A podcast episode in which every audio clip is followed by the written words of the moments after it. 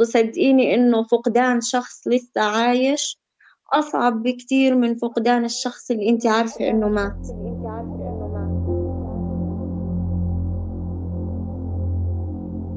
تعتبر الوفاة من أكثر المسائل المتعارف عليها في موضوع الفقد.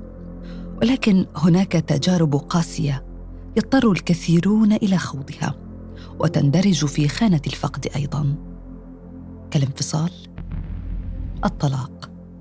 خسارة الأحلام والطموحات. أنا يسرى أمين وهذه حلقة جديدة من بودكاست مرايا.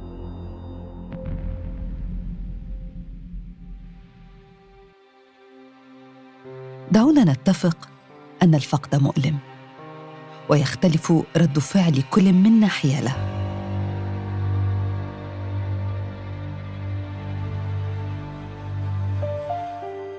في المرايا رأيت رنا سيدة أربعينية من الأردن تحمل فوق رأسها هموم الدنيا وفي ذيل ثوبها تتعلق ثلاث فتيات وفي عينيها نظرات تيه وشعور غامر بالألم والفقد والحزن.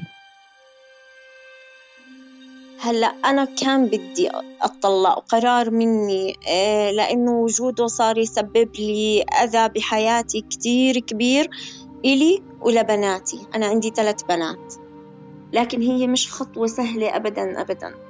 يعني إذا بحكي لك كلمة الطلاق دمار فبيكون عن جد هذا جزء بسيط من اللي عشته. قد لا يدرك البعض حجم الآلام المصاحبة لفترة الطلاق. ولا يعي كثيرون أن الحزن المصاحب للانفصال يمر بمراحل. ولا بد للشخص أن يتعامل مع كل مرحلة بوعي ويمنحها الوقت المطلوب.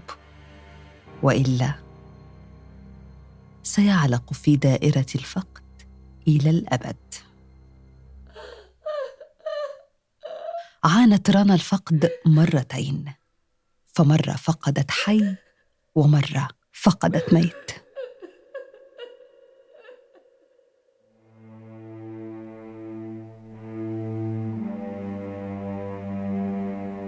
الفقد الأول آه هو كان آه بالموت. أبوي الله يرحمه. ما راح أكذب عليك إذا بحكي لك أنا لحد الآن بحس إنه وفاته مش صح وإنه رح يجي يوم وألاقيه معاي. محتاجيته بكل صغيرة وكبيرة بحياتي. مش قادرة أعيش بدونه. والفقد الثاني كان لشخص بحياتي وفقدته بس بسبب خلافات يعني و... وبرضه لسه مش قادرة أتعافى من الموضوع. وصدقيني إنه فقدان شخص لسه عايش أصعب بكتير من فقدان الشخص اللي أنت عارفة إنه مات. ما لم أفهمه في قصة رنا؟ لماذا تشعر بالفقد تجاه إنسان وصفته بالمؤذي؟ وسعت لسنوات إلى التخلص منه والانفصال عنه. هل هو فقد عاطفي مثلا؟ فقدان عاطفي يعني يعني كشخص أنت ما بتحبيه أو كشخص من بداية حياتك من وأنت لسه عروس وهو بس بيأذي فيكي لما بتخلصي منه ب... ولاحظي الكلمة بتخلصي منه ما بتحسي بالفقد العاطفي. هلأ يمكن بعدين بعد مرور السنين أنا حسيت إنه يعني فعليا أنا أوكي محتاجة إنه زلمة بحياتي أو رجل. بس يعني بتضلها هاي أهون شغلة. اذا ما الذي تفتقده رنا من هذه العلاقة؟ أنا متصالحة مع نفسي ككلمة مطلقة ما عندي مشكلة فيها أبدا. لكن مشكلتي بعدم وجود أب لبناتي. أنا أنا لحد الآن بعاني من فقد أبوي من موت أبوي. فبحكي يعني كيف هم اللي من هلأ عايشين عمرهم كله بدون أب؟ طب أنا على الأقل أبوي كان موجود وسند إلي بكل حياتي.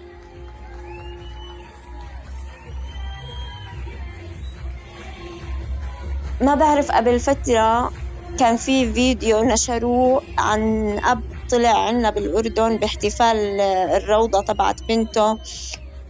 وطلع يرقص مع بنته لأنه زميلها كان غايب. انت ما بتتخيلي هذا الفيديو اللي كل الدنيا حكت فيه كيف كنت أخبيه عن بناتي؟ ما بدي إياهم يشوفوه ما بدي إياهم يحسوا إنه نيال هاي البنت لأنه أبوها عمل إشي عشانها. الموضوع إنه إنه هم فاقدات أبوهم مأثر علي وعليهم مش بس عليهم.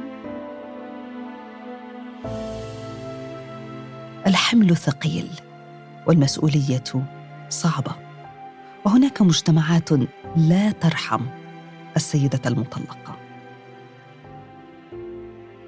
لما أنت بتطلعي من الحياة فجأة أنت بدك تكوني الأب والأم أنت بدك تحملي مسؤولية كل شيء. نفسي وجسدي ومصاريف و... واللي بتتعب نص الليل بدك تركضي فيها على مستشفى. فوق المسؤوليات الصعبة أنت فعليا مش قادرة تأمني لهم أكلهم وشربهم وهدول صغار. مهما تتقبلي الواقع صعب المجتمع حواليك كتير صعب. فلو انت نسيتي وكملتي هم بيرجعوا بذكروكي بيعاملوكي انه انت مرة لحالك. أوف ومرة وثلاث بنات. آه، انت شو بدك تعملي؟ انت وين بدك تلحي فبترجعي مهما تتقبلي الموضوع بيرجع في أشياء دايما تخليكي توصلي لنقطة الصفر من أول وجديد.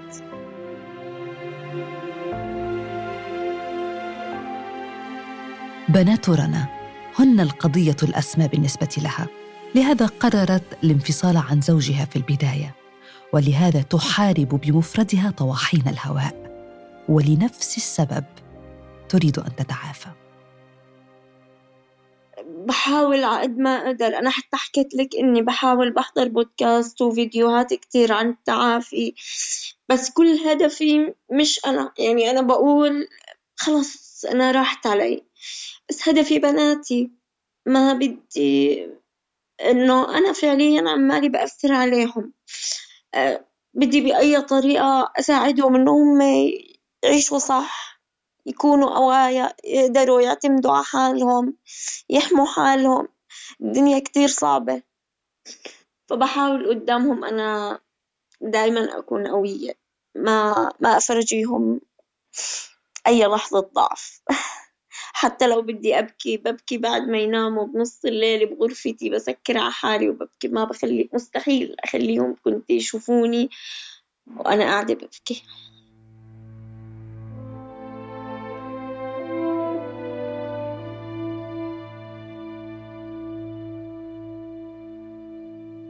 وفقا لمؤسسة هيلب جايد فإن الانفصال مدمر ليس فقط على مستوى العلاقة بين الشريكين بل أيضا على مستوى الأحلام والطموحات المشتركة.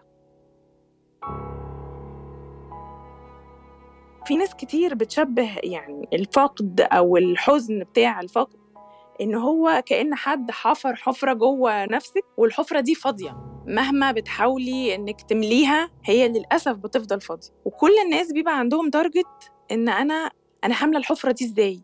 وإحساسي بالألم الشديد بتاع الفقد ده هيخلص إمتى؟ تقول دكتورة ماجي الشافعي الأخصائية النفسية إن هذه الحفرة تتسع وتتسع حتى تبتلع صاحبها إلا لو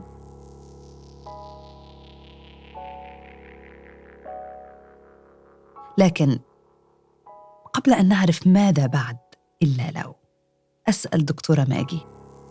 هل تتشابه المراحل في الفقد؟ أيا كان نوعه؟ الحزن أو ال grieving نفسه سواء بقى عن عن فقد حلم أو فقد شخص بايا كانت الطريقة هو كان زمان بيقولوا إن هو خمسة steps بس مؤخرا يعني الدراسات مؤخرا لقينا إن لأ هم لو إحنا يعني فصلناهم قوي هم 7 stages of grief. أول مرحلة هي ال shock وال disbelief اللي هو أنا في حالة صدمة ومش مصدق أصلا. ال shock وال disbelief ده بيبقى زي دفاع نفسي الجسم بيعمله علشان أحمي جسمي وأحمي نفسي من إحساس الألم. بعد كده بدخل بقى في مرحلة ال denial. أنا في حالة إنكار بقى تام. اللي حصل ده اللي أنتوا بتقولوا عليه ده يا جماعة ما ما حصلش. المرحلة الثالثه هي مرحلة الجلد أو الإحساس بالذنب. إحساس بالذنب ده بيندرج بقى تحت حالات كتيرة. بمعنى حالات الطلاق مثلا أو الانفصال أنا ممكن حتى لو الشريك كان مؤذي أنا ممكن أدخل في حالة إن أنا بقنع نفسي إن أنا السبب. رغم إن أنا عارفة إن الشريك بتاعي هو اللي أذاني مش أنا. المرحلة اللي بعد كده هي مرحلة اللي هي ضمناها بقى في بعض في التصنيف الجديد هي الانجر والبرجنج إن أنا ببقى عندي غضب شديد وفي نفس الوقت ببتدي أساوم. أساوم بمعنى إيه؟ إن أنا حتى حالات الوفاة بتكلم في إن أنا أنا ممكن أعمل أي حاجة في سبيل إن الشخص ده يرجع ومخي كله بيدور حوالين أستعيد الشخص ده إزاي عشان أمنع الحدث اللي أصلا حصل. ببتدي أحس إن أنا غضبان دايما غضبان بغضب من كل حاجة. المرحلة اللي بعدها بيبقى فيه depression ولونلس وريفليكشن بدخل في اكتئاب وإحساس بالوحدة وإحساس بالعزلة ببقى عايز أعزل نفسي حتى عن الناس اللي بتحبني اللي متبقيين في حياتي وببقى خلاص أنا في المرحلة دي أنا عندي الوعي إن الحدث حصل والحدث مؤلم ومفيش حاجة هيمكن إن أنا أرجع بيها الوقت وترجع الحدث ده أو تغيره. فأنا خلاص عندي complete awareness إن فعلا اللي حصل ده حصل. المرحلة بقى اللي بعد كده اللي هي ال acceptance ال acceptance إن أنا دي آخر مرحلة ودي أنا ببقى بشوف فيها نتاج التعب اللي أنا عديت بيه في المراحل كلها نتاج إن أنا بقيت عارف أعيش normal new life بس أنا بقيت عارف إن أنا ما أقدرش أغير الحدث اللي حصل لكن أقدر أغير الأحداث اللي جاية.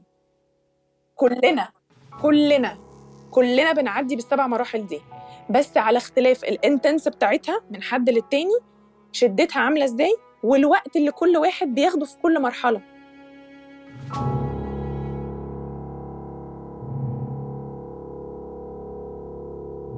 ماجي أنت استمعتي معانا لمشكلة رنا في رأيك ما الذي تفتقده رنا من هذه العلاقة؟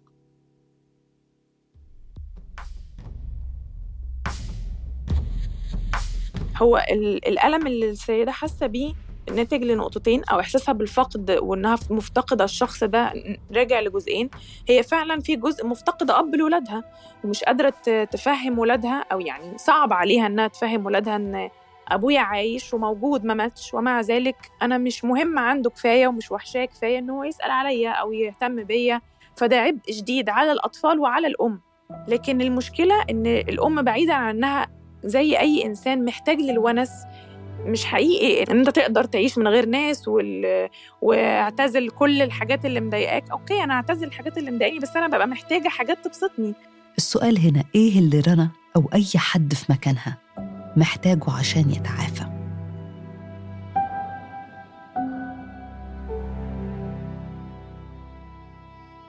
آه، الخطوات بتاعت التعافي بتختلف من شخص للتاني. يعني أنا ممكن هي إحساسها نفسه إيه أكتر حاجة مضايقاها أو إيه أكتر حاجة هي مفتقداها. لو هي فعلا فانية حياتها بالكامل في شغلها وفي ولادها هي ممكن تكون في كل الرحلة دي علشان تحاول توقف البيت على حيله هي فقدت نفسها وما بقاش عندها لا وقت لنفسها ولا يعني هم بيسموها رفاهية الانهيار ولكن هي مش رفاهية. هي فكرة إن أنا آخد وقت لنفسي عشان أعرف أكمل. لكن لو أنا قدرت نفسي الأول وحطيت نفسي زي ما هي حاطة اولادها أولوية وبيتها أولوية هي محتاجة تحط نفسها أولوية. ومحتاجة تعرف هي إيه اللي ناقصها فعلا وهي محتاجة إيه علشان تحس بذاتها وتحس إن هي أحسن.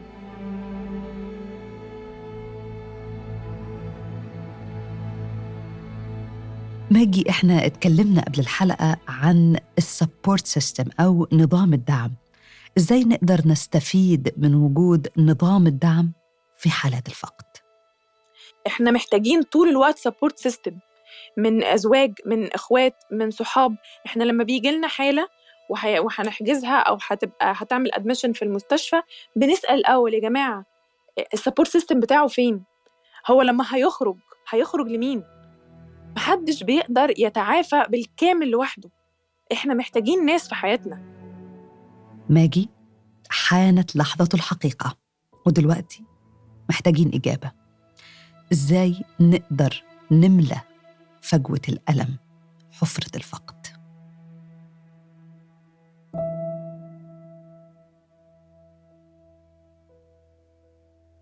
العلاج في إيه؟ أو الفكرة إزاي؟ يعني أنا أنا بحسن إن أنا أبقى كويسة ده إمتى؟ إن أنا أحط بذور حوالين الدايرة والحفرة دي. يعني life will come around بس إزاي بقى؟ هي زي الأشجار والنباتات المتسلقة اللي بيبقى ليها فروع. أنا بحط بذور بحياة جديدة وبايا كان الحاجات اللي تخليني فعلا مبسوط وحاجات جديدة لحياتي بزرعها حوالين الحفرة دي فالورق بتاعها والفروع بتاعتها بتكبر وبتعمل جسر فبتخلي عيني مش شايفة بس الحفرة السوداء دي طول الوقت. هي شايفاها بدرجة أقل. كل ما بزود البذور دي كل ما بزرع الحاجات الجديدة دي كل ما بتنمو أكتر وبتغطي الحفرة الشديدة دي. فلو حتى اضطريت وحصل لي trigger ووقفت عليها ما بقعش فيها تاني للآخر. سؤال أخير ماجي قبل ما نختم الحلقة. هل تتفقي بأن فقد الحي أصعب من فقد الميت؟ فقدان الحي أسوأ طبعا بكتير من فقدان الميت. لأن أنت كمان بتشوفي الحي ده عايش مع ناس تانيين. يعني مهما كان الناس ما بتعملش stalking بس من وقت للتاني بعد سنين طويلة حتى بيجي على بالك الشخص ده وتبقي عايزة تعرفي هو عامل إيه. وده مش معناه إن أنا لسه قاعد وحزين وفي نفس الزون بتاعتي اللي كنت فيها من سنين. بس ده طبيعي الفضول البشري ده يعني شيء عادي جدا. طالما أنا مش قاعد مهووس بإن أنا أراقب الشخص ده بيعمل إيه.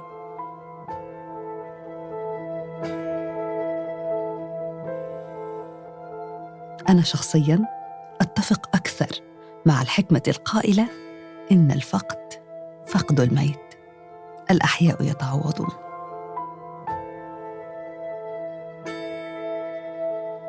هذه الحلقة من كتابة وإعداد يسرى أمين هندسة الصوت ميرا عريان رئيسة تحرير البودكاست رانيا أبو حسن إشراف محمد فاروق عبد الرحمن.